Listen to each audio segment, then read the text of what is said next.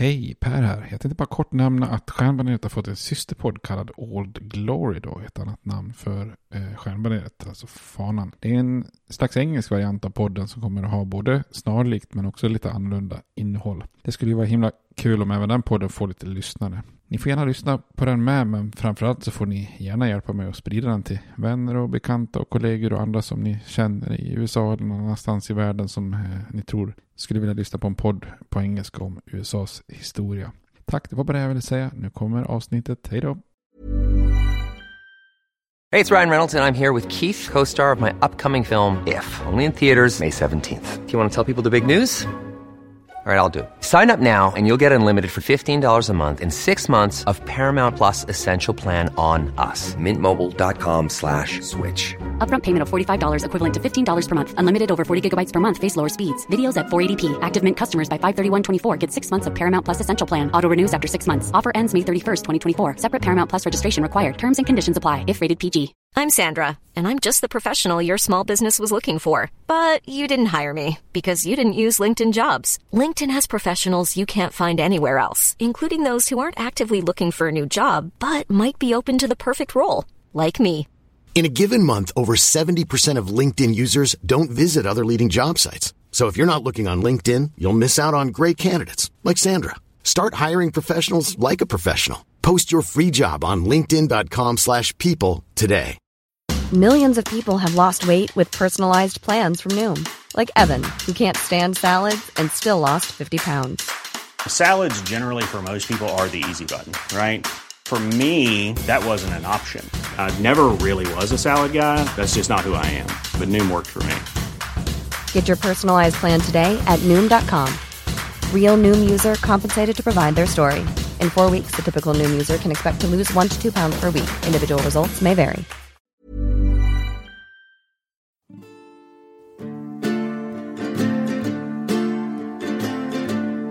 We hold these truths to be self-evident, that all men are created equal, that they are endowed by their Creator with certain unalienable rights, that among these are life, liberty, and the pursuit of happiness.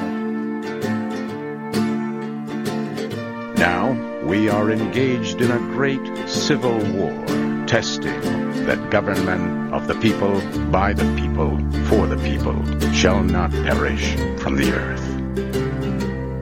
And so, my fellow Americans, ask not what your country can do for you. Ask what you can do for your country. I have a dream. My four little children will one day live in a nation where they will not be judged by the color of their skin, but by the content of their character. Mr. Gorbachev, tear down this wall. I did not have sexual relations with that woman, Miss Lewinsky. Då säger vi hej och välkomna till Stjärnbaneret igen. Med mig Per Fjärdingby och med dig Robert Öx. Jajamän. Hur är läget? Det är bra. Ett litet sommarlov nu eh, sedan vi spelade in senast. Så jag känner mig lite ringrostig igen. Ja. Men det har jag ju sagt flera gånger nu. Du har ju bokstavligt talat sommarlov. Ja, precis. precis ja. Mm, ja, det har varit ett litet sommaruppehåll. Men, Mm. eh, men nu är vi tillbaks och eh, knyter ihop säcken när det gäller inbördeskriget. Avsnitt 12 när det gäller inbördeskriget tror jag va? Ja, jag tror det också. Det, Mm. står, det står här i noten. Så jag hoppas att det stämmer. Eh, och det, var ju några, det har varit några som har undrat under sommaren ifall vi har lagt ner podden. Men vi lovar att informera om vi skulle göra så. Det Yes. ett uppehåll så är det bara att vi inte har riktigt eh, ja, spelat in något som vi kan ge ut. Då. Men eh, det är ju inte... Det är ju inte ett dagsfärskt ämne direkt. Så det, det är ju ingen färskvara. Utan eh, avsnitten kommer när de kommer. Vi har ju stundtals snittat på ett i veckan. Men eh, nu på slutet mer kanske varannan vecka. Och förutom sommaruppehållet. Ja. Så att eh, vi, det kommer. Vi ger ut när vi har materialet. Ja, men varannan vecka är väl rimligt om Ja. vi väl har spelat in. Ja, det tycker jag. Och vi försöker ju spela in ett par, tre avsnitt åt gången när vi ses åtminstone. Så vi har Precis. lite ut. Jajamän, Ja. jajamän. Och så kan man ju rekommendera lite, du påminner, påminner mig här att man kan ju faktiskt rekommendera lite tidigare avsnitt också som på något vis ändå är dagsaktuella. Ja, precis. Eh, Det är ju mycket sådana här tragiska massskjutningar. Ja, och Eh. diskussioner kring eh, eh, USAs vapenlagar och, och det har vi tagit upp i ett avsnitt. Nummer fyra. Fyra? Ja, rätt. Av alla? Ja, det är fjärde. Var det så tidigt? Ja, det fjärde första höll jag? Det fjärde. Ja. Det var ett riktigt mastodont Ja, det var, då körde vi hårt på rätten att bära vapen. Historisk Ja. liten tillbakablick då. Eh, och sen så har det varit mycket debatter kring eh, mexikanska gränsen också. Mm. Och då kan man ju lyssna på avsnitt både 22, 23, 24 och 25. Som ju är när vi pratar om först Texas och sen Kalifornien. Och sen så de två sista där om eh, kriget mot Mexiko. Ja, just det. Där mycket av gränsen faktiskt drogs då. Det är ju ett litet undantag. Jag tror vi nämnde det också att man köper ju ett litet område till av Mexiko sen. För att eh, politiker i södern vill ha en eh, sydlig rutt på en transkontinental järnväg. Det så kallade Mhm. Gadsden-köpet. Men eh, med det köpet där på 50-talet, 1850-talet så är ju gränsen mot Mexiko den som är idag. Ja. Där det ska gå en mur. Ja, precis. Som man har hört talas om. Yes, och vi kan ju också nämna att podden numera även finns på Spotify. Ja. Så det går ju att lyssna också om man vill det. Ja. Men innan vi återvänder till eh, kriget tänkte jag. Vi, ehm, du lanserade ju ett nytt upplägg eh, på lite öltips och lite ölkunskap. jag kände, eller kanske du också kände, att vi börjar liksom tömma ut alla olika orter och eh, amerikanska bryggerier och hela den biten. Så för att få lite mer struktur på det hela så tänkte vi att vi skulle gå eh, efter ölstilar då. Mm. Och det blir struktur till viss del, men inte enligt så här vi går från ölstil 1A till och med sista då. Utan vi kommer blanda lite. Men vi kommer börja med det som kallas för... Nej, det kanske jag inte ska säga nu. Jo. Jo. Vi kommer hålla oss till eh, eh, Svenska Hembryggarföreningens eh, lista över ölstils, Ja, ölstilar eller typ. Stilguide, eller vad Ja, det? precis. Och där finns det 11 kategorier om jag inte missminner mig va? Det kan nog stämma. Ja. Och så under kategori. Och så underkategorier till varje då. Så vi kommer börja idag med eh, eh, kategori 1 och underkategori B som kallas för export. Just det. Och sen kommer vi fortsätta framåt då. Men det tänkte jag vi kan avsluta med vilken öl vi tar i nästa program då eller? Mm, det kan vi göra. Ja. Mm, vi ska bara komma ihåg det. Ja, precis. Ja. Men eh, vi, börjar med exporten. Ja, lät det krångligt? Nej, absolut Nej, inte. nej. Ja, jag tycker inte det är krångligt. det var bra. ja. Själva huvudkategorin 1 eh, är väl mild och karaktärsfullt lager. Ja, det. Ja. Och det är lätt att tänka att det är då eh, man menar en, en ljus lager i alla de här olika underkategorierna. Men färgen har ingenting med det att göra. Utan det är ju mer eh, själva jäsprocessen då. För att det ska bli en lager. Och eh, varför valde jag ett B? Jo, det var nog för att jag hade druckit den här Dortmunder, DAB som den heter. Som har kommit i liten burk nu på Systembolaget för 9,90. Perfekt pris. Man Ja. ska köpa en 33. V- vad kan vi om ölstilen? Den är ju ljus. Det är ju en ljus Ja, lager. Tysk men- då som ni hör naturligtvis. Men Om jag fattar rätt så är ju en Dortmunder export lite grann av en eh, ja, historiskt sett lite, lite starkare än eh, kanske de som bryggde sig nere i München och eh, lite mindre karaktärsfull kanske än en nordtysk pilsner. Så att det handlar väl lite grann i, i mitten där och framförallt att det var i Dortmund där man började brygga den här stilen. Så det kallas ju ibland, kallas ju ibland för Dortmunder export och det var väl också för att man exporterade väldigt mycket utav den Mm. ölstilen så att säga. Men om man inte ri- riktigt lyckas med det här och kalla ölstilen för Dortmunder. Det hade ju varit svårt. det Ungefär var som precis. champagne. Att Ja. all champagne som bryggs här, eller Kölsch då. All Ja. öl i Köln. Precis. eh, Eller all öl. Den nu är det, typen av öl. Nu är det nästan lite paradox för nu Ja. bryggs det de flesta Dortmunder i Dortmunder. Ja. Eller i Dortmund för eh, lokal marknad. Så det är inte så mycket export Nej, nej. Ja. ja, men det är ju en bra, det är ju en trevlig, det är ju lättdrucken öl så att säga. Sen är den ju lite förvirrad för den är ju, eh, man tänker sig med en vanlig stor stark som vars typ kallas för internationell lager. Många av dem heter ju export. Mm. Så att det ska ju vara, verkligen vara en sån Dortmunder för att det ska vara den här kategorin. Jag får nog erkänna att jag skulle nog kunna missta om man hade blindtest på fem stycken internationella lager. Mm. eh, Och fem stycken eh, export eller Dortmunder. Så hade jag nog kunnat blanda ihop lite där. Ja, någon, någon enstaka. ja, Nej, men de är ju snarlika. Säg inte det, det var bra smak, smak Ja, ja, kanske. kanske, ja. kanske. Nej, men en, en dubb då. Ja. Dortmunder export. Det är en finare. Ja, den kan vi rekommendera. Att ni, den finns på över 300 systembolag tror jag. Så den ska man nog kunna få, få tag på. Finns det 300 systembolag? Ja, finns det säkert. Ingen aning. En konstig grej där bara. Den här 33 centiliters burken då. Det är ett bra pris tänker man. 9,90. För en, eh, en liten burk. Men det blir liksom billigare att köpa den på stor burk. Om man tänker lite pris. Jag trodde det var samma. Jaha, okej. För om du då köper, ja då kostar den 12,90 på 50 centiliters. Så på en liter blir det då 4 kronor billigare. Det blir 26 kronor istället för... Här har, här har du räknat Ja. noggrant. Ja. Ja, det har jag. ja, ja. Ja. Men du gillar den lilla? Ja, det är lite smidigt ändå sådär.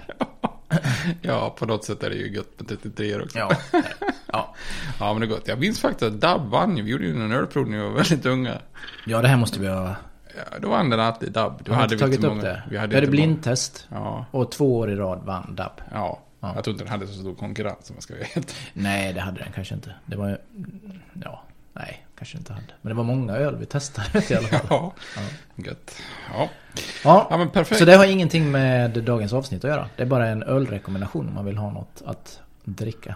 Yes. Jag tror att vi kommer att prata om en tysk-amerikansk general. Så Ah, det är ju ser, är tyskt liksom. Ja, så att, det är eh, tyskt. du har ju valt bara tyska här i första avsnittet. Så Ja, det är ju bra. har jag. Ja. ja, men kanon.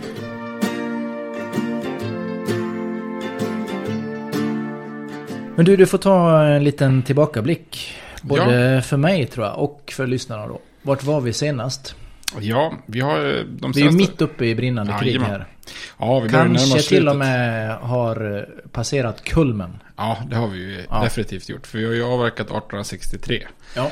Och det är ju 62 och 63 som är de stora åren. Eh, då. Eh, ja, i och för sig 64 också som vi kommer till här. Men 1863 är ett väldigt händelserikt år då. Eh, unionen då, nordstaterna har ju kopplat lite greppet genom att eh, fullständigt då förinta en eh, konfererad armé vid Vicksburg som vi pratade om där för att kontrollera Mississippifloden då. Eh, och sen har man ju äntligen lyckats ge general Lee då en näsbränna vid Gettysburg då. Vilket ju säkert kändes bra efter de här förödmjukande förlusterna på våren och vintern där vid Fredericksburg och Chancellor's Chancellorsville då. Eh, sen i första, eller i förra, i förra avsnittet så pratade vi ju om eh, de här slagen vid Chickamauga och Chattanooga där. Försökte ju konfederationen lite grann kraftsamla eh, i väster då för att rädda situationen. Men det gick ju inte så bra där heller. Grant ryckte ju in och vann slaget vid Chattanooga också då. Eh, Vi pratade lite grann om Lincolns Gettysburg-tal och vi pratade om hur Republikanerna försökte göra ett trettonde tillägg till konstitutionen för att eh, verkligen då eh, Eh, avskaffa slaveriet. Men det blockeras då av Demokraterna och gränsstaterna. Så att, eh, nu ska vi helt enkelt gå in och se hur det går under 1864. Ja, kör. Yes, så man, man kan väl säga så här, ibland brukar man läsa om inbördeskrig så brukar de ju summera sig lite grann vid nyår, hur ligger de till då? Det brukar oftast vara liksom så här att Jefferson Davis är hyfsat nöjd och Lincoln är helt missnöjd så att säga. Men nu nyåret här in till 64 då så... ehm, Tar man liksom lite pauser vid jul och nyår? Ja, det har, Indirekt så här Ja, eh, i det- många lägen har de ju det. Men i vissa lägen, eh, det var ju där vintern mellan 62 och 63. Så då tog de ju absolut ingen paus. Utan körde Nej. ju stenhårt där på både vid Stones River och eh, vid Fredericksburg. Där. Eh, men nu är Lincoln då eh, lite nöjd här. Eh, alltså, när man går in i 1864 så finns det en viss, eh, liksom så här, man ser att segern skulle kunna vara inom eh, räckhåll, räckhåll då så att säga. Eh, Men det som gör 1864 spännande är ju att det faktiskt är dags för presidentval igen då.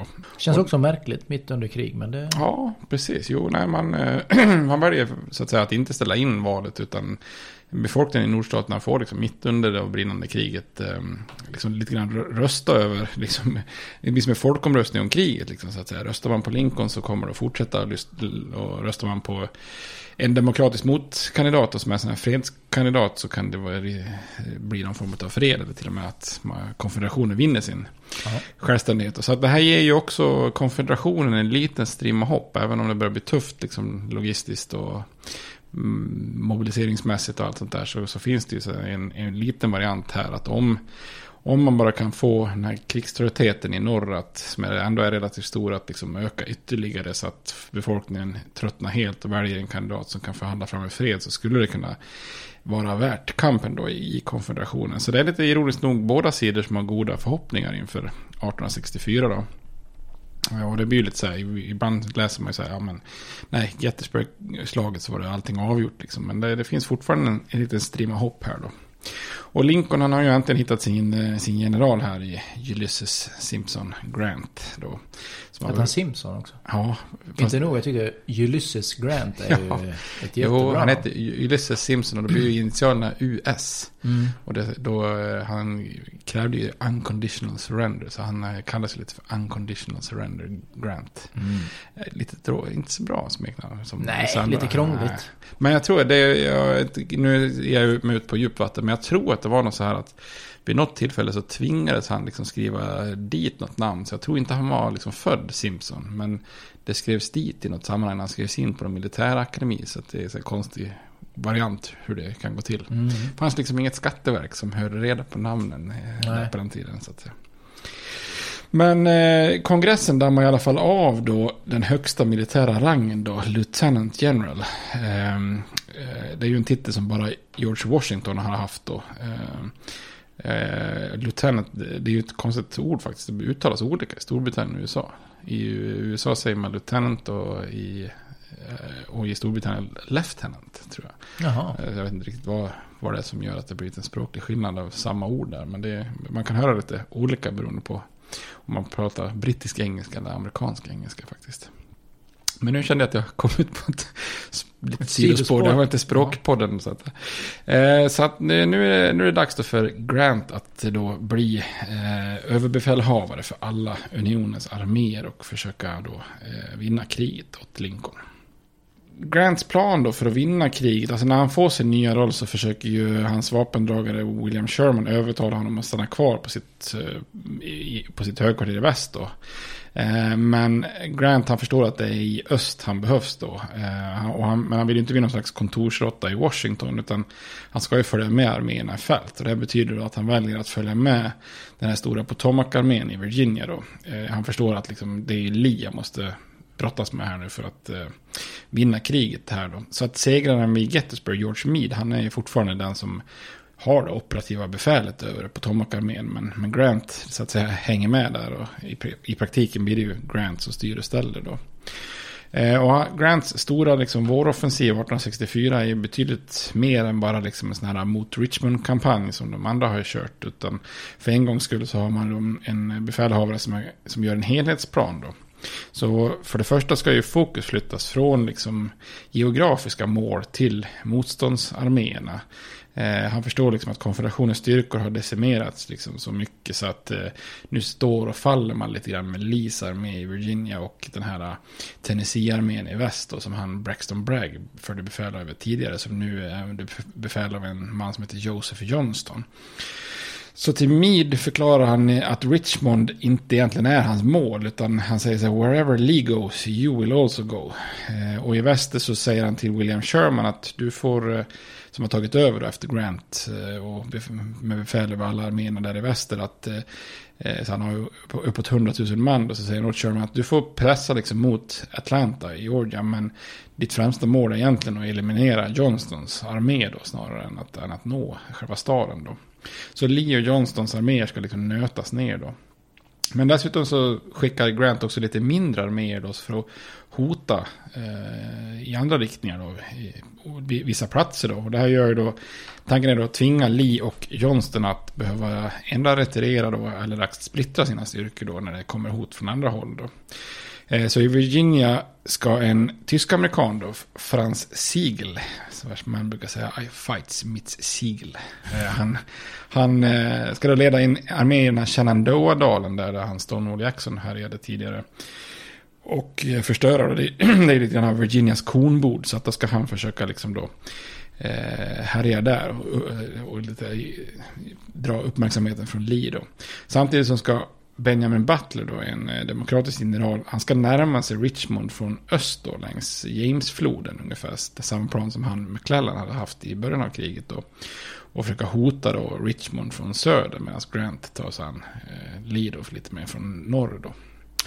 Eh, och i väst så ska ju, medan Sherman då börjar mota mot han Johnston, så ska en armé under Nathaniel Banks utföra en offensiv mot eh, Mobile, Alabama, som är då konfederationens sista öppna hamn längs Golfkusten då. Och tvinga Johnston att välja mellan att ja, splittra sin armé eller vad det här, eh, eller agera på något sätt då.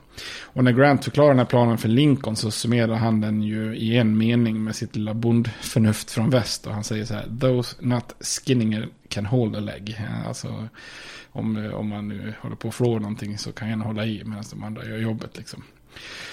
Och det här är ju egentligen en ganska bra plan. Eh, och hade alla varit så kompetenta som Grant och Sherman så hade ju kriget säkert avgjorts 1864 då. Men de här tre generalerna som alla då är politiskt eh, utsedda då, Siegel, Butler och Banks, de, de eh, har ju utsetts då för att ge stöd till då, ja, tyska amerikaner då i Siegels fall och demokrater i Butlers fall då, och eh, sådana riktiga eh, republikaner uppe i New England som verkar vara lite radikala och lite mot Lincoln då. Eh, ska ju Banks då vara en, en liksom eh, blidka då. Eh, men Siegel han besegras i Shenandoah-dalen och Butler han körs fa kör fast utanför Richmond och stängs in då av en styrka. Och, och Banks han, han hinner inte ens börja sin offensiv för han förlorar ett annat slag på ett annat plats. Så att de hinner liksom inte igång där. Så att därmed ligger liksom allt i händerna på, på Grant och Sherman då utan det här stödet som de hade egentligen behövt då så att säga. Men exakt samma dag, då, den 4 maj 1864, så startar eh, Grant och Lee sina stora offensiver. Då.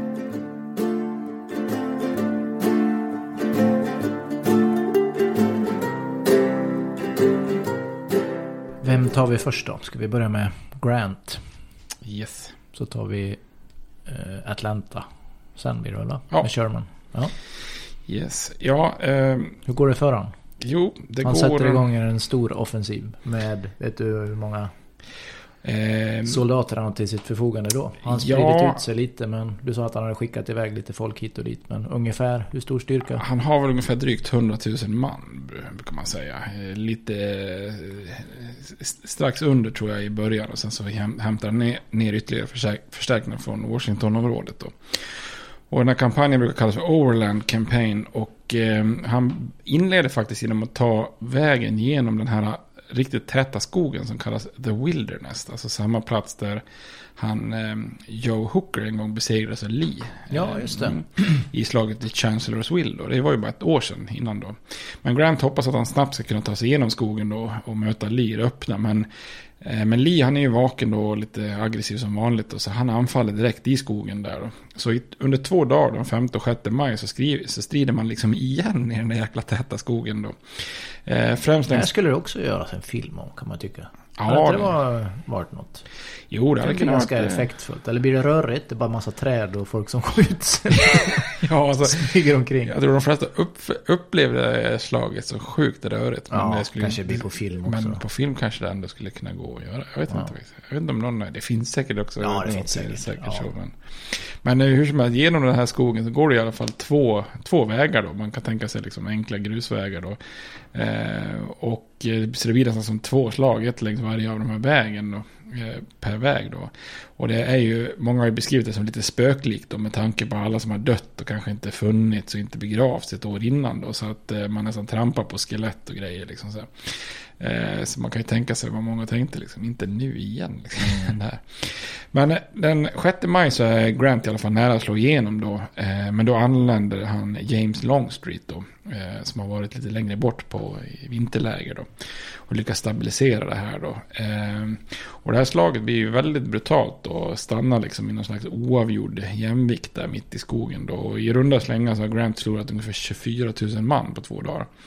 Eh, och Lee föll ut ungefär hälften, 12 000 man då i skadade och saknade och döda.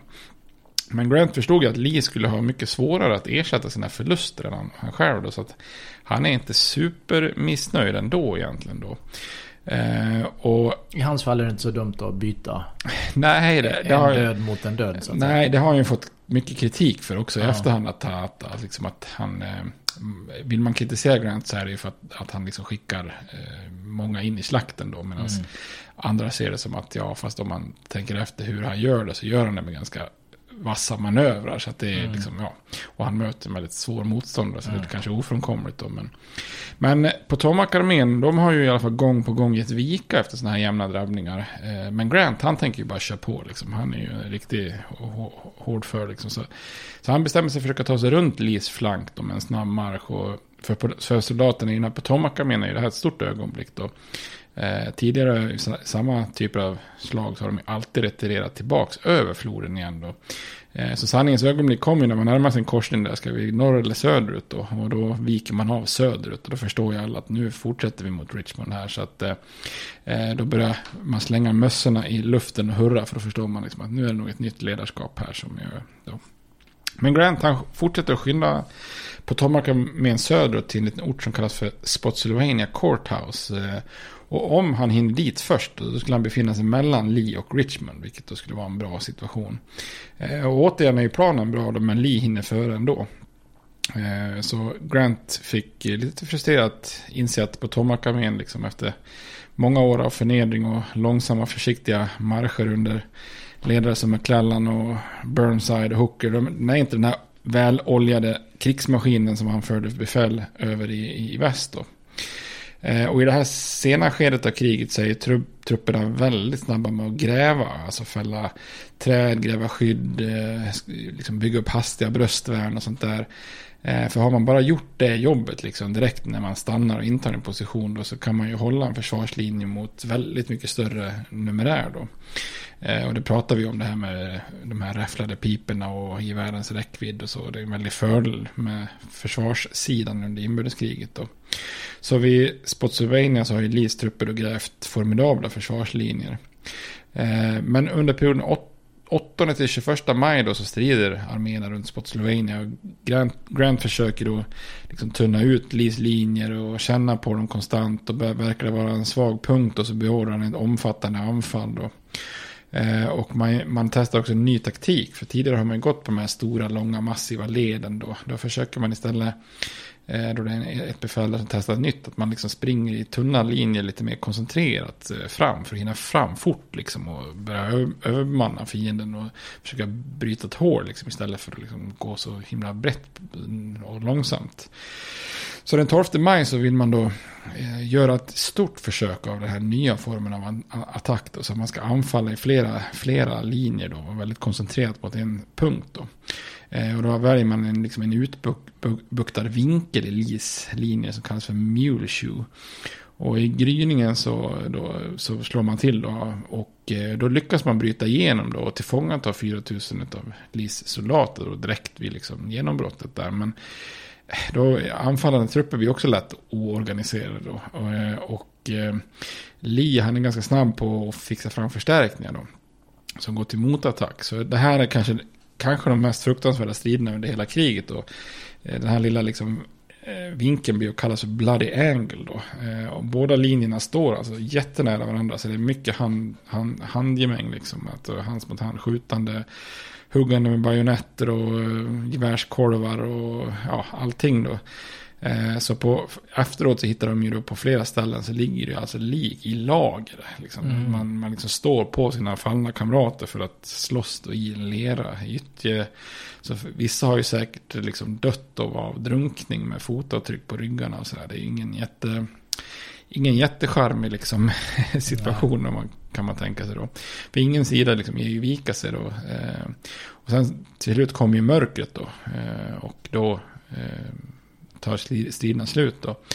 Eh, och allt Grant har vunnit är bara några hundra meter. Eh, Medan då Lee har gjort förberett en andra försvarslinje så att han kan dra tillbaka sina män bakom den då. Och här är ju en hel del, brukar man säga, en del läxor som går obemärkt förbi då för de generalerna som sen utkämpar första världskriget där 1914 till 18 att hade man studerat inbördeskriget mer noggrant så hade man ju fattat liksom att det här med skyttegravar och sånt är liksom man kan ha dragit väldigt mycket bra erfarenheter från det. Liksom. Kunde ha undvikit mycket där då. Men natten den 20 maj så får ju Grant ge, ge upp Spotsylvania då och försöker återigen marschera runt, eh, runt Lees flank, flank då. Eh, och bara här vid Spotsylvania då har Grant förlorat ytterligare 18 000 man och Lee knappt 13 000 man då. Och sen har ju Grant också tagit med sig general Philip Sheridan från väst för att leda kavalleriet i Potomac-armén då. Och den 11 maj så möter han Lees kavalleri eh, som led, har ju letts av den här Jeb Stewart. Vi har pratat om honom flera gånger. Han gör lite så dramatiska rytter, ritter runt, vad heter det? Ritter, rytter, ritter. Ritter heter det. Ritter låter ja, bra tycker jag. Runt eh, Potomac-armén då. Och då, de slåss vid ett slag vid Yellow Tavern. Där, där Jeb Stewart faktiskt eh, stupar efter fyra efter fyra timmars strider. Så det blir en svår förlust för Lee att tappa sin eh, välkända kavallerigeneral då. Men efter Spotsylvania så tar sig Grant runt Lees flank igen då. Hamnar i en position vid en flod som heter North Anna. Eh, och här uppstår det ett tillfälle för Lee som är gyllene att han ska kunna gå till anfall mot bara delar av Grants armé som har korsat den här floden då. Men Lee själv är sjuk och flera av hans ledande generaler är liksom mer eller mindre på ut, med utmattningssyndrom och sådär. Så att eh, det, hans armé kan inte alls ta tillvara på, på det här tillfället. Och, så nu börjar Lee också inse att den här norra Virginia-armén inte längre, eller vad är, samma vassa livsfarliga vapen som den en gång faktiskt var, var under sina glansdagar. Då. Och Grant tar sig ur situationen runt Lees vänsterflank igen och så börjar han äta sig väldigt närmare Richmond. Richmond då. Och nästa mål är en vägknut som kallas för Cold Harbor. Och nu är man då knappt två mil från huvudstaden Richmond och börjar närma sig det här gamla slagfältet från sju slaget där Lee och McClellan gjorde upp mm. i början, två år tidigare då. I början av 1862 då. Och vid Cold Harbor så gör Grant ett misstag för han tror att Lees armé är i sämre skick än vad den är då. Det är liksom fångar som har vittnat om att eh, det, att det är en, att de snart är slagna och så vidare då.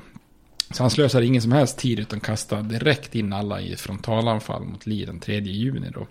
Och det här slaget i Cold Harbor är över nästan lika snabbt som det startar då. För bara, på bara någon timme så har han förlorat 4000 man då. Så det här erkänner han faktiskt sen att eh, det här är någonting han ångrar resten av sitt liv. Att eh, han såg det här som ett stort eh, misstag faktiskt då. Men även om Lee har tappat sin offensiva kraft då, så skyddar han ju liksom Richmond här. Och efter några dagars funderingar så bestämmer sig Grant för att bryta kontakten med Lees armé och göra en ännu längre marsch runt Lees eh, flank då. Och visserligen tar det här honom längre ifrån Richmond då, men samtidigt kan han då hota järnvägsknuten Petersburg som ligger söder om Richmond då. Det här är genom Petersburg som alla järnvägar från resten av södern går för att ta sig in i Richmond. Så att om Grant skulle erövra Petersburg så blir ju Lee nästan tvingad att ge upp Richmond ändå. Liksom. Det skulle ju vara en svårt förlust då.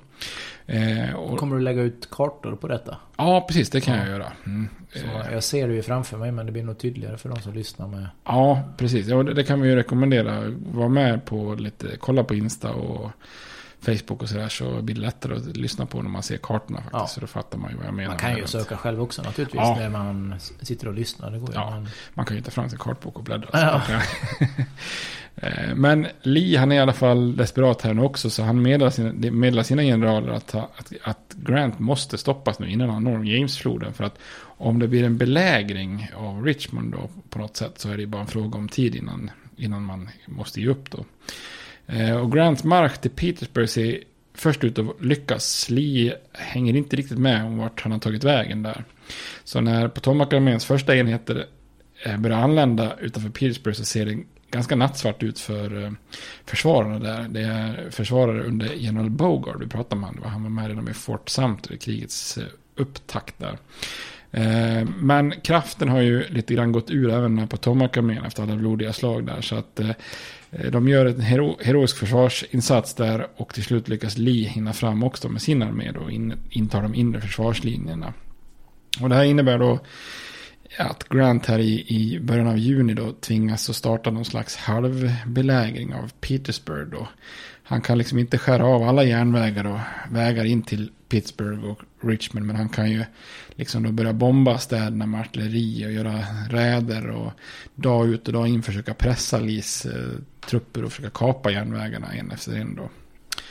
Eh, och i det här läget när det har blivit en sån halvbelägring då, då gör faktiskt Lee en motåtgärd. Då. Han försöker göra en repris av eh, från 1862. Om du kommer ihåg då, då hade man ju Stonewall Jackson lite lös i den här Shenandoah-dalen som härjade runt och mm. uppehöll väldigt många trupper då. Eh, och den här gången skickar han Jubal Early som med en av sina armékårer då. Eh, och då hoppas han då att det politiska trycket av ett hot mot Washington kan försvaga Grant och tvinga honom att skicka trupper norrut.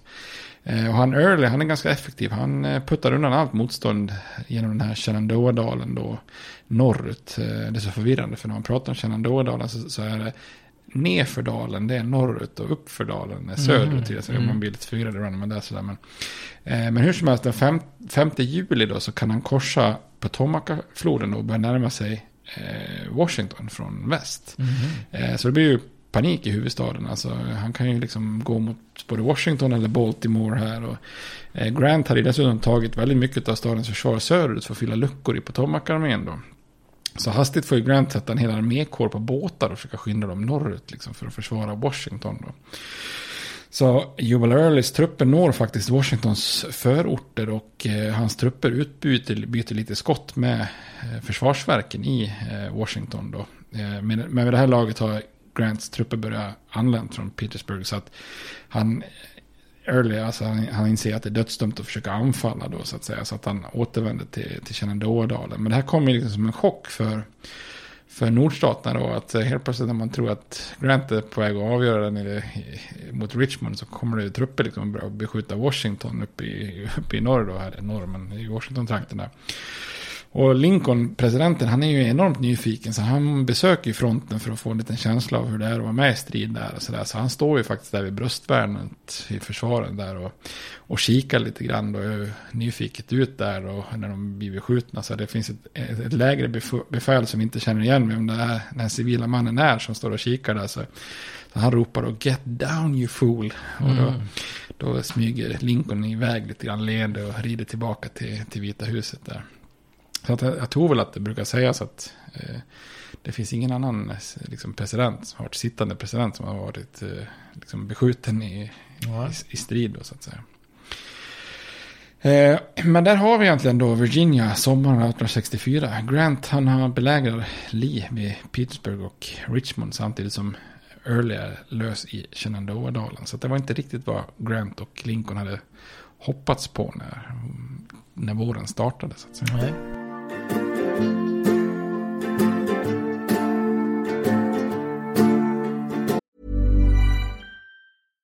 Hiring for your small business? If you're not looking for professionals on LinkedIn, you're looking in the wrong place. That's like looking for your car keys in a fish tank.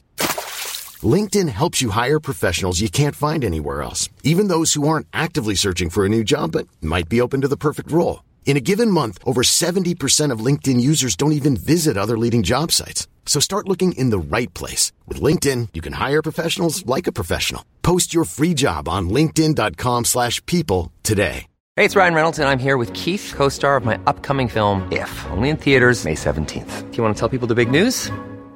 All right, I'll do it. Sign up now and you'll get unlimited for $15 a month in six months of Paramount Plus Essential Plan on us. Mintmobile.com slash switch. Upfront payment of $45 equivalent to $15 per month. Unlimited over 40 gigabytes per month. Face lower speeds. Videos at 480p. Active Mint customers by 531.24 get six months of Paramount Plus Essential Plan. Auto renews after six months. Offer ends May 31st, 2024. Separate Paramount Plus registration required. Terms and conditions apply if rated PG.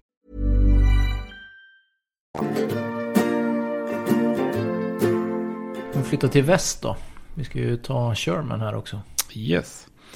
Ja, han ska ju då ta sig an Joseph Johnston och eh, han har ju då tre ihopslagna arméer faktiskt under, under tre generaler här. George Thomas, James McPherson och John Schof Schofield och ungefär 100 000 man totalt då.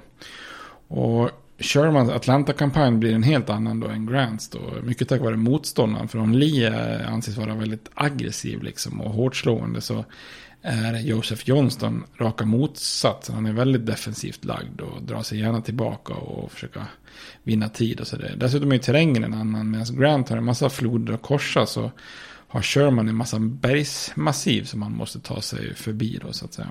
Och medan Grant kan hela tiden kan bli försörjd från kusten med hjälp av flottan så är Sherman väldigt, väldigt beroende av den enda järnvägen norrut som, som, eh, som han kan få förnödenheter från. Så han behöver avsätta väldigt många man till att skydda järnvägen från, från Räde. då.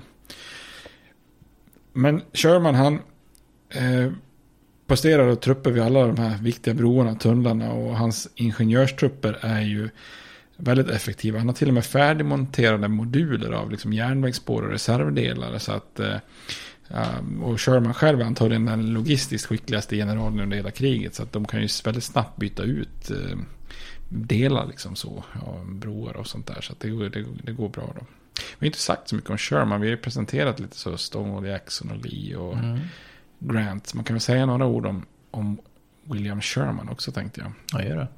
Han är ju rödhårig, lite ovanligt på den tiden. Eh, han är från Ohio. Och han är faktiskt en, um, nu ska du föra en avlägsen släkting till Roger Sherman. Eh, han den gamla grundaren av Rhode Island. Vi pratade om detta, ja, koloniala det. Rhode Island. Han som var lite grann en pionjär gällande religiös frihet och federalt styre. Han, han, han vart ju bort förvisad av myndigheterna i Massachusetts där, puritanerna.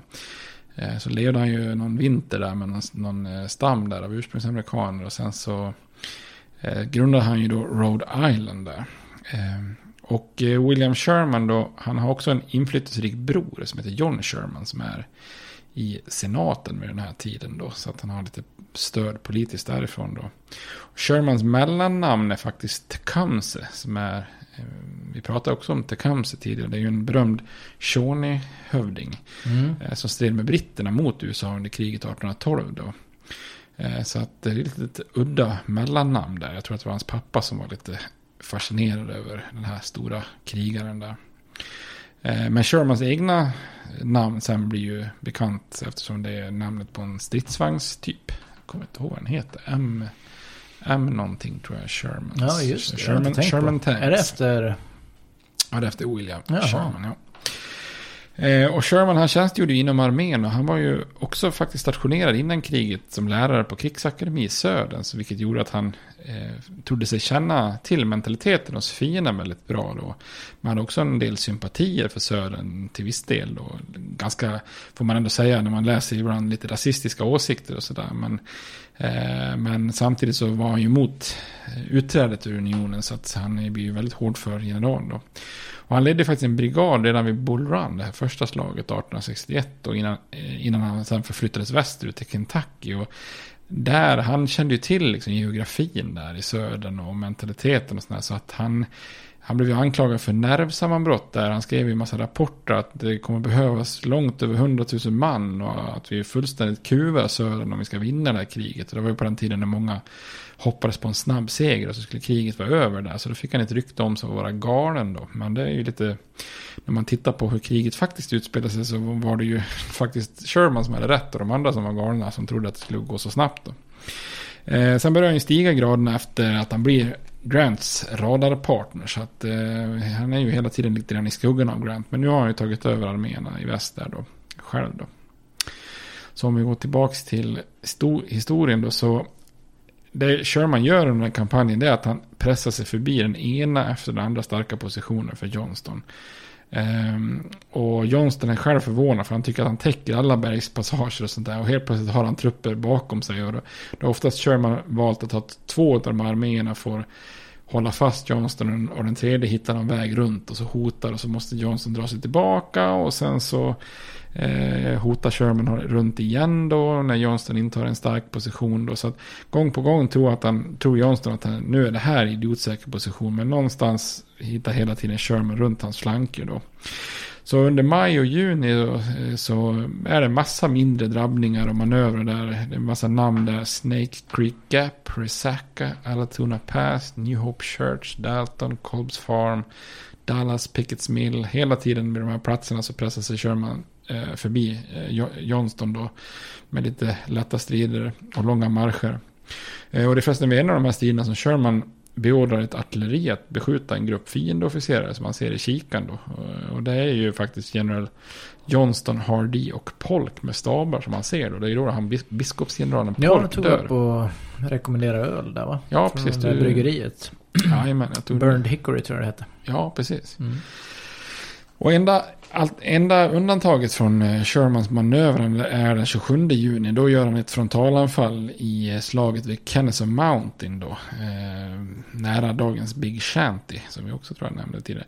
Det är knappt två mil från, från Atlanta detta då. Eh, och nu så här, som vanligt i slutet av kriget så erfarna trupper har ju intagit goda positioner och kan försvara sig mot en 6-7 gånger så många anfallare. Så kostnaden för Kennesaw Mountain Eh, John Sherman tycker ju inse att det kanske var en, ett misstag. Då, men det är ändå peanuts jämfört med Virginia då. För Johnston förlorade 1000 man och Sherman 3000. Så det hade ju bara varit en, en mellandag i Virginia om man säger så. Då.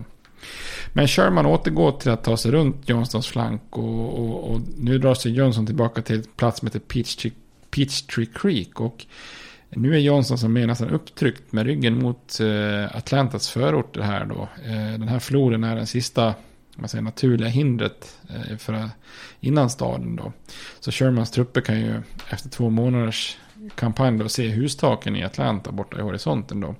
Och i takt med att Shermans trupper liksom kommer närmare så blir ju kraven från Richmond att Johnston måste strida och stoppa honom allt högljuddare. Så att Jefferson Davis då, presidenten, han är ju sjukt missnöjd då. Så att, eh, alltså att, att retirera hela vägen till Atlanta utan att liksom bjuda på en riktig strid i stil med det Lee gör i Virginia då. Det, eh, för att uthärda och skydda Rich, men Det är inte acceptabelt för, för Jefferson Davis. Så att eh, han tappar tålamodet här. Så, och ersätter då Johnston med den 33 år gamla John Bell Hood. Som då är känd för att vara väldigt eh, aggressiv general. Då. Han hade då länge fört befälet över en brigad i, i Lees armé. Eh, som en av de främsta enheterna. Så Lee har ju använt Hoods brigad många gånger som chocktrupper då. Eh, under Gettysburg hade ju Hood skadat ena armen så han inte kunde röra den. Och då förflyttas han västerut och deltar i slaget vid Chickamauga. Och där får han en kula i benet som tvingar honom till amputation då. Så nu när han ska ut på fältet då så får man binda fast honom i sadeln. Han kan liksom inte rida om mm. inte han är fastbunden vid hästen där. Och så att, eh, lite speciell där. Tittar man, på, man får gärna googla John Bell Hood får man se en, en herre. Han har ett sjujäkla skägg får man säga. Det är ju, det är ju eh, i och för sig har ju nästan alla eh, generaler eh, skägg på den här tiden då. Men eh, eh nästan bättre om man nämner att de inte har skägg än att de har skägg. Men det är ett jädra skägg alltså. Får man säga. Det är, nästan så att han, han klår vår kompis Fidde. När han hade som värst. Ja, jag tittar på bilder nu här. Det... Ja, det, det är rejält. Ett ja. rejält eh, så kallat hipsterskägg nu. Ja, precis. Det ska man vara nöjd med. Det ser ut att vara välvårdat också. Ja. Han ser nästan lite galen ut va? Eh, ja, lite Rasputin över Ja, blicken. faktiskt. Ja, mm. brännande, brännande blick. Det är bra. Det var faktiskt en bra liten Rasputin. Får du lägga ut en bild tror jag också på ja. Hood. Det ska vi göra. Men Hood han lever ju upp till sitt rykte då. Så den 20 juli där vid Peachtree Creek så, så går han till full motattack. Och när Sherman inte slås tillbaka så, så går han till attack två dagar senare i någonting som kallas för slaget vid Atlanta. Och sex dagar efter det slaget så slår Hood till igen vid Ezra Church. Och eh, när, när Sherman försöker kapa den sista järnvägslinjen in till Atlanta. Då, Men, och Hoods förluster är ju eh, väldigt, väldigt stora till och med jämfört med Shermans då. Men för stunden så hindrar han ju Sherman från att inta Atlanta och, och förskansa sig i relativt säkerhet då i Atlantas fortifikationer då med en järnvägslinje fortfarande öppen då. Och då har ju Sherman hamnat i en liten knepig situation för att eh, anfalla Atlantas fortifikationer, det blir ju som ett självmord. Och så har han sträckt ut sina trupper så långt och tunt det bara går utan att riskera något. Men han har inte lyckats kapa den här sista järnvägen. Så att i slutet av juli så har ju Sherman hamnat i nästan ett slags stillestånd och halvbelägring. Precis som Grant gjort vid, vid Pittsburgh och, och, Richmond. Då. Så att nu kan man säga att Sherman också faktiskt har kört fast. Då. Och när de har kört fast så får man ju börja fundera i andra banor då. Och, och Grant han gör ett litet annorlunda försök att bryta igenom vid Petersburg som jag tänkte vi måste nämna också. Det är det här kända slaget vid kratern, Battle of the Crater. Crater. Mm -hmm. Jag tror du nämnde det någon gång också. Krater. Jag har inget minne av det. Har jag gjort det alltså? Ja, jag tror det. Ja. Men i alla fall så att i en enhet där i Potomac-armén så finns det en överste, Henry Pleasance, som är i spetsen för The 48th Pennsylvania. Eh, och i Pennsylvania så är det ju mycket gruvor. Så att eh, de männen har väldigt stor erfarenhet från gruvdrift. Då. Eh, så han föreslår att man ska gräva en tunnel in under de konfererade ställningar då och spränga en rejäl laddning så att försvararna flyger i luften och att det blir ett hål i linjen då så att man kan rusa in och bryta igenom Lees ställningar då. Eh, och de jobbar ju då med ganska enkla medel eh, men med en ganska smart lösning då som gör att man med eld och kanaler suger in luft i tunneln utan att ha några lufthål som fienden kan upptäcka då. Eh, och sen tar man balkar för att spela upp då från en raserad bro då. Och till mångas överraskning, det är många som inte tror på det här, men till mångas överraskning så lyckas de då bygga klart tunneln. Så den är 156 meter lång. Så den är ju inte jättekort alltså. Och når ju in då 6 meter under eh, de konfedererades ställningar då. Så längst in i den här tunneln då så rullar man in 320 tunnor med krut. Det är typ eh, över 3,6 ton krut. Man hade inte velat vara den som rullar in tunnorna. Jag trodde man dra, drog sticka om vem som skulle rulla in den sista. Drog sticka? Då skulle dra en tändsticka. ja, vad heter det? ja, ja, visst. Ja, ja. Ehm, Men det man faktiskt gör sen, apropå dra lott, så, får, så är det faktiskt tre det är egentligen tänkt att det är afroamerikanska trupper som ska mm, anfalla, men eh, någon blir lite rädd här. Jag kommer inte ihåg om det, är, om det är general Meade som är lite rädd för att om det går galet här kommer de ju bli anklagade för att ha offrat afroamerikaner. Så därför drar han bort dem och säger att nej, de andra får, får någon annan får anfalla. Så det är tre olyckliga befäl som drar lott här då. Och då är det en James Ledley som eh, blir den olyckliga vinnaren här då. Och han är skitdålig på att förbereda sina trupper och är nervös. Han super sig bara full kvällen innan liksom. Men på morgonen den 30 juli då. Så spränger man krutet då, och det blir en helt enorm sväll, smäll där som eh, i ett bräde så dödas ungefär 270 konfedererade soldater där då. Och explosionen skapar ett enormt hål då, inte bara i fortifikationen utan det blir bokstavligt talat en stor grop då som är uppmätt till 52 meter lång, 37 meter bred och 9 meter djup. Den kan ju ses än idag då för den är bevarad liksom. Mm. Eh, och anfallarna de är så tagna av den här smällen så det, det, det dröjer några minuter innan de anfaller. Och när de väl gör det så går det ju snett då för då springer de flesta bara rätt ner i det här hålet då. Eh, kan inte tänka mig att sikten var så jättebra då efter 3,6 ton krut. Eh, så när de konfererar och liksom hinner fram och funderar på vad som har hänt här och kastar fram förstärkningar. Då ser de ju liksom bara från höjderna då att det är en massa soldater som har trängts ihop i en grop. Så att, ja, det är ju inte roligt egentligen. Men, så att eh, de beskriver det som att det är lika enkelt som att jaga kalkon. Ja. Så och prick- bara skjuta rätt ner i den här gropen och döda en massa unionssoldater innan de liksom lyckas dra sig tillbaka. Då. Så Grant han säger senare om det här slaget om kraten att eh, det var the saddest affair I ever witnessed in the war, säger han då. Men så ser det ut då. Våren 1864 då. Nordstaterna som skulle liksom avgöra kriget här. Nu har Grant kört fast vid Petersburg och Sherman har kört fast vid Atlanta samtidigt som Early då lyckas med konststycket att hota själva Washington då. Så för Lincoln och Republikanerna så blev ju läget helt plötsligt nattsvart då för att nu går man ju precis in också för att behöva då föra ett politiskt krig för, och, eh, för att överleva på hemmafronten. Också då.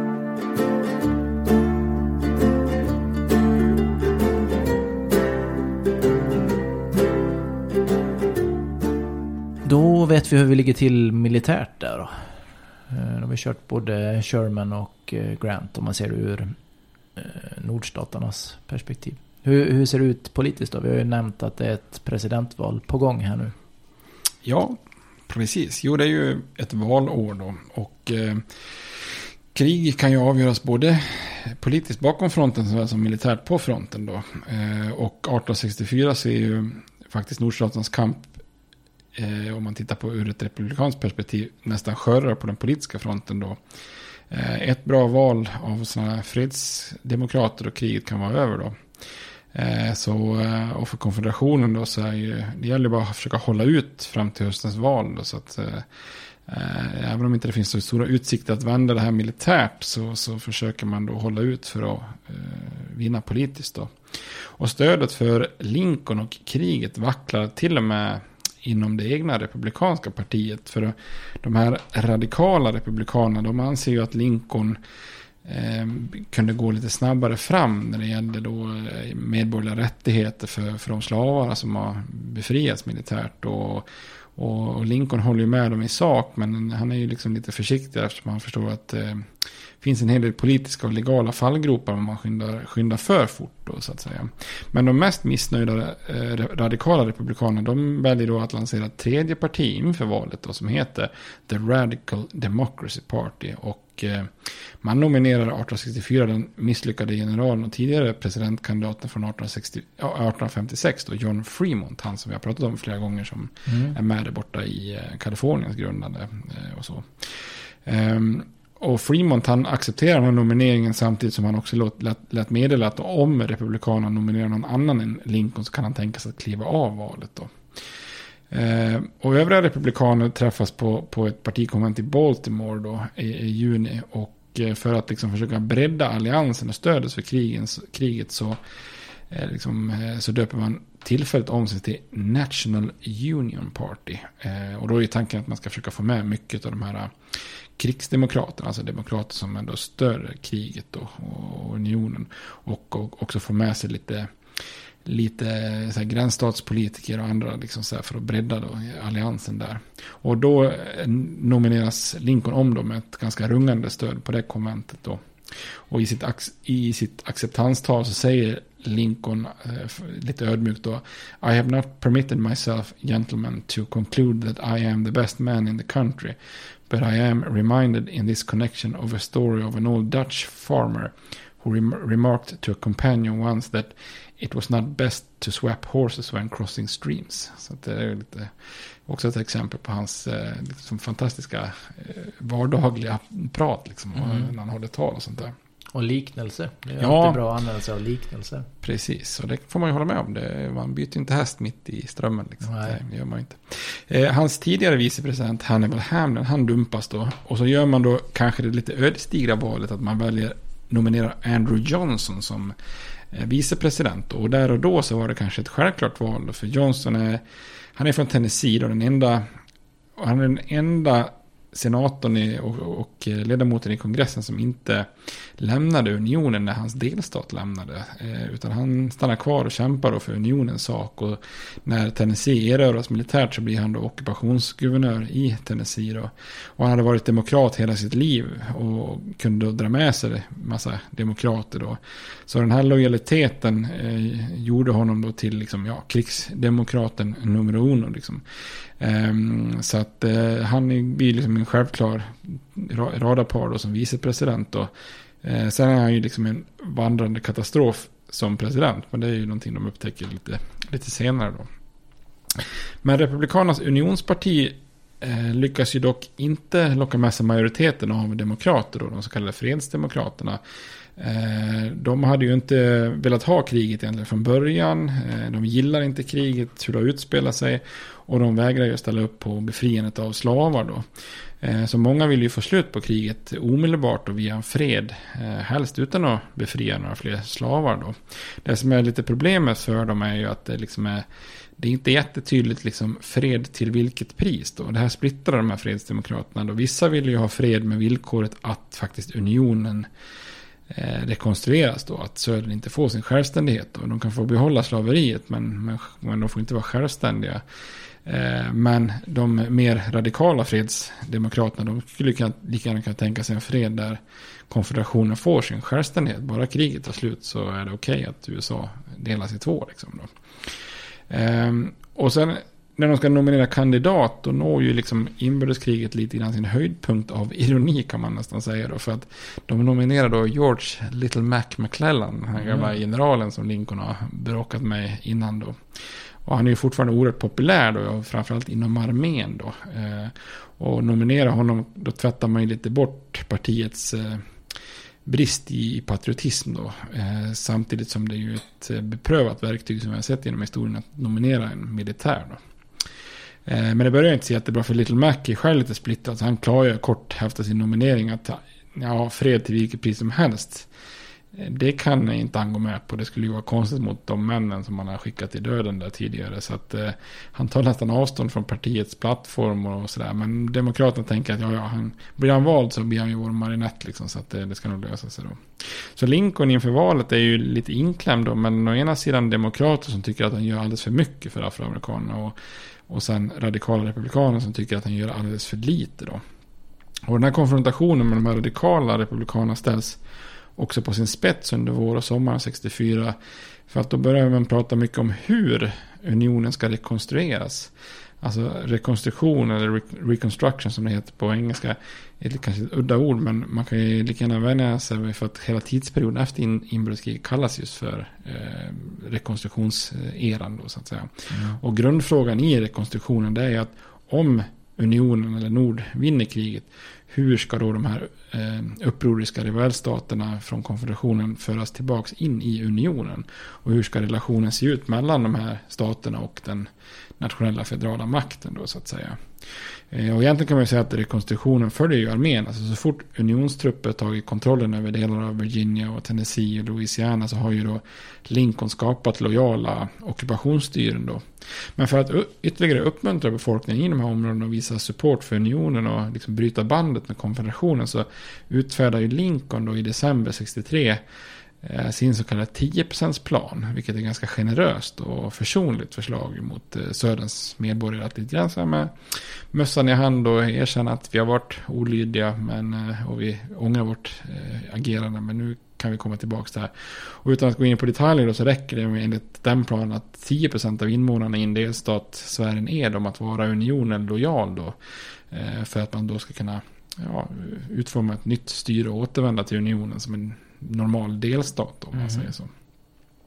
Men här nu på våren blir ju Lincoln utmanad av kongressen och de här radikala republikanerna eh, i spetsen då för att de anser att den här rekonstruktionen det är inte en fråga för den verkställande makten som president utan det är ju någonting för dem, kongressen, lagstiftande makten. Eh, så de vill ju kontrollera den här frågan och då driver man igenom en lag som kallas för Wade Davis bill eh, efter två senatorer, eller två ledamöter, Benjamin Wade och Henry Winter Davis. Och Lincolns synsätt det var ju att de här rebellstaterna egentligen aldrig hade lämnat unionen utan att de bara behövde återetablera praktiska relationer om man säger så med de staterna. Medan Wade Davis bilden bygger liksom på ett synsätt att de här staterna har ju faktiskt lämnat unionen och när de har gjort det har de begått ett slags liksom, om man ska säga, delstats självmord.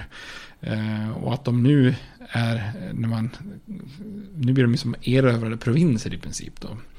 Eh, och som sådana, eh, som erövrade provinser blir de i, i princip att gå tillbaka till det territoriella stadiet. Och då är det kongressen då som är den delen av federala makten som ska styra över de här staterna då.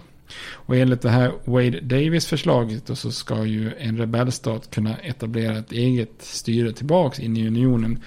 Eh, inte när 10% utan när en majoritet, 50% av väljarna har svurit en ed. Och då ska det vara en så kallad Ironclad Oath, alltså en riktigt rejäl ed som innebär att man svär på att man aldrig frivilligt har stött konfederationen på något sätt.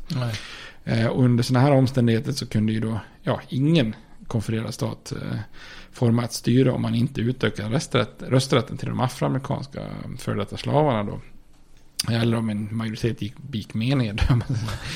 um, men tanken med det här förslaget är ju framförallt att skjuta upp det här rekonstruktionen till efter kriget. Och, eh, för då tror man ju kongressen att nu, då kommer vår makt att vara större än presidenten. Han har ju lite fördel nu under kriget som Mm. verkställande makt här då.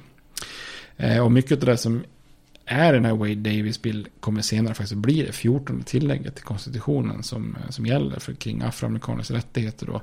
Ja, det var kanske rimligt på väldigt många sätt då, men det gick lite på tvären med, med, med Lincolns önskan om att presidentmakten skulle styra över detta då och att han ville göra det enkelt för södern att överge konfederationen då. Så Lincoln, de röstade igenom det här förslaget på slutet av eh, sin eh, session då i kongressen och då väljer Lincoln faktiskt att lägga sitt veto då. Eh, då lägger han ett så kallat pocket veto. Det innebär att om kongressen röstar igenom en lag så har ju presidenten tio dagar på sig att ändå lägga sitt aktiva veto eller skriva på den. Mhm. Men om kongressen har slutat sammanträda och innan de här tio dagarna har förflutat så kan han bara låta det självdö i byrålådan. Mhm. Eh, Fördelen med ett sånt veto är då att eh, då, kan då måste de rösta igenom det igen när kongressen återsamlas. Eh, annars om man lägger ett aktivt veto då kan ju kongressen, då måste man göra det med en motivering och sånt där. Och så kan två tredjedelar av majoritet driva över presidentens veto och så vidare. Så kommer en massa grejer då. Så, så de radikalerna de blir ju helt vansinniga på honom när han lägger det i skrivbordet och vägrar skriva på det här då. Men för Lincoln börjar det nu se lite mörkt ut här då. Militärt hade det sett väldigt optimistiskt i början av 63, eller, eller i slutet av 63 och början av 64 då. Men nu har ju då Grant och Sherman kört fast då i sina belägringar. Eh, det kommer rekordlånga listor med stupade från Virginia. Som sprider en massa sorg och späder på den här krigströttheten då. Militärt kunniga, de, de inser att Grant och Sherman har ju antagligen nålat fast sina motståndare och att det ja, mer eller mindre en tid innan de kommer att vinna då. Men runt köksborden liksom i, i nordstaterna så är inte det den bilden man får av kriget via, via tidningarna då. Där finns det bara rapport på liksom slakt på slakt. De här, de här olika namnen. Wilderness Spotsylvania, Cold Harbor och sådär. Och republikanerna de är mer splittrade än någonsin då. Eh, och med en krigstrött befolkning eh, så börjar ju liksom många demokrater då se, ja men fasen vi kommer kanske att vinna valet i hösten här 64 då.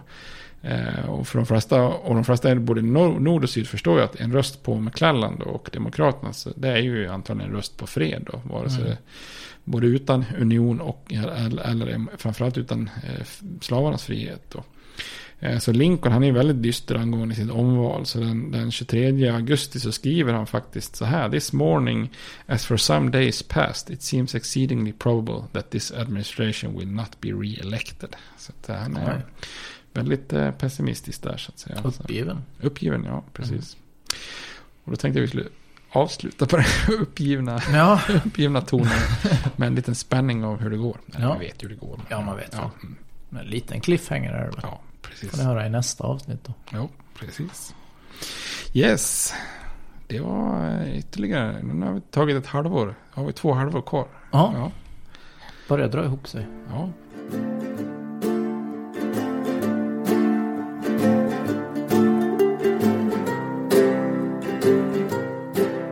Vi pratade ju innan här om, vi hade ingen direkt film här, men vi gav ju nästan en, en idé om film då. Om någon skulle göra en film.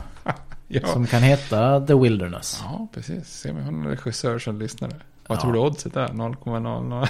ja, det är väldigt, väldigt högt odds, ja. säger man då va? Ja, precis. Ja, lågt. Nu, jag, det var, jag sa det nästan som att det var sannolikt. ja, det lät ja, väldigt ja. positivt. Nej, men jag kan se trailern framför mig. Ja. The Wilderness. Ja. They fought for two days. Yeah. In the woods where no one can see. Ja, det är bra. Ja. Nej men musik. Här kan, nu, jag, jag, kommer liksom inte ihåg vad jag har sagt. Och inte heller vad du har sagt. Men jag kan ha rekommenderat den här låten innan. men det var för att vi nu pratade om Sherman. Mm. Och då hade jag hittat, jag har ju sökt ehm, med lykta då efter, det finns ju ganska mycket låtar i och för sig om eh, inbördeskriget. Men då, då fanns det en textrad om Sherman. William Sherman som du ändå tog upp lite extra om här. Ja, precis. Jag, jag, har jag sagt det tidigare så tar jag låten igen då. Det är en artist som heter Robert, det är ett fint namn då. Ja. Hyland. Hyland. Highland säger man kanske då. Och låten heter I'm afraid to go home. Då finns det en textrad om Sherman på slutet. Vill du höra den? Ja. Jag tror det ligger lite längre fram då. Mm. För det är Memphis som nämns och det sa du att det kommer efter här nu. Nej, jag tänkte det var... Um, vad var det mer som nämndes? The Sea. The Sea, ja det kommer, det, det kommer nästa avsnitt. Havet. Ja, just det. Ja. Sherman's been in my town, burned it all to the ground. No, there's no tree between Memphis and the sea. Now there's not a tree between Memphis and the sea. Bra. det är också ja. en liten cliffhanger ja, kanske. och det är ju faktiskt en, det är ju den här resan som den armén gör. För de börjar ju liksom nästan uppe i, liksom, ja, Illinois, inte så jävla långt ner till Tennessee och Memphis. Nej.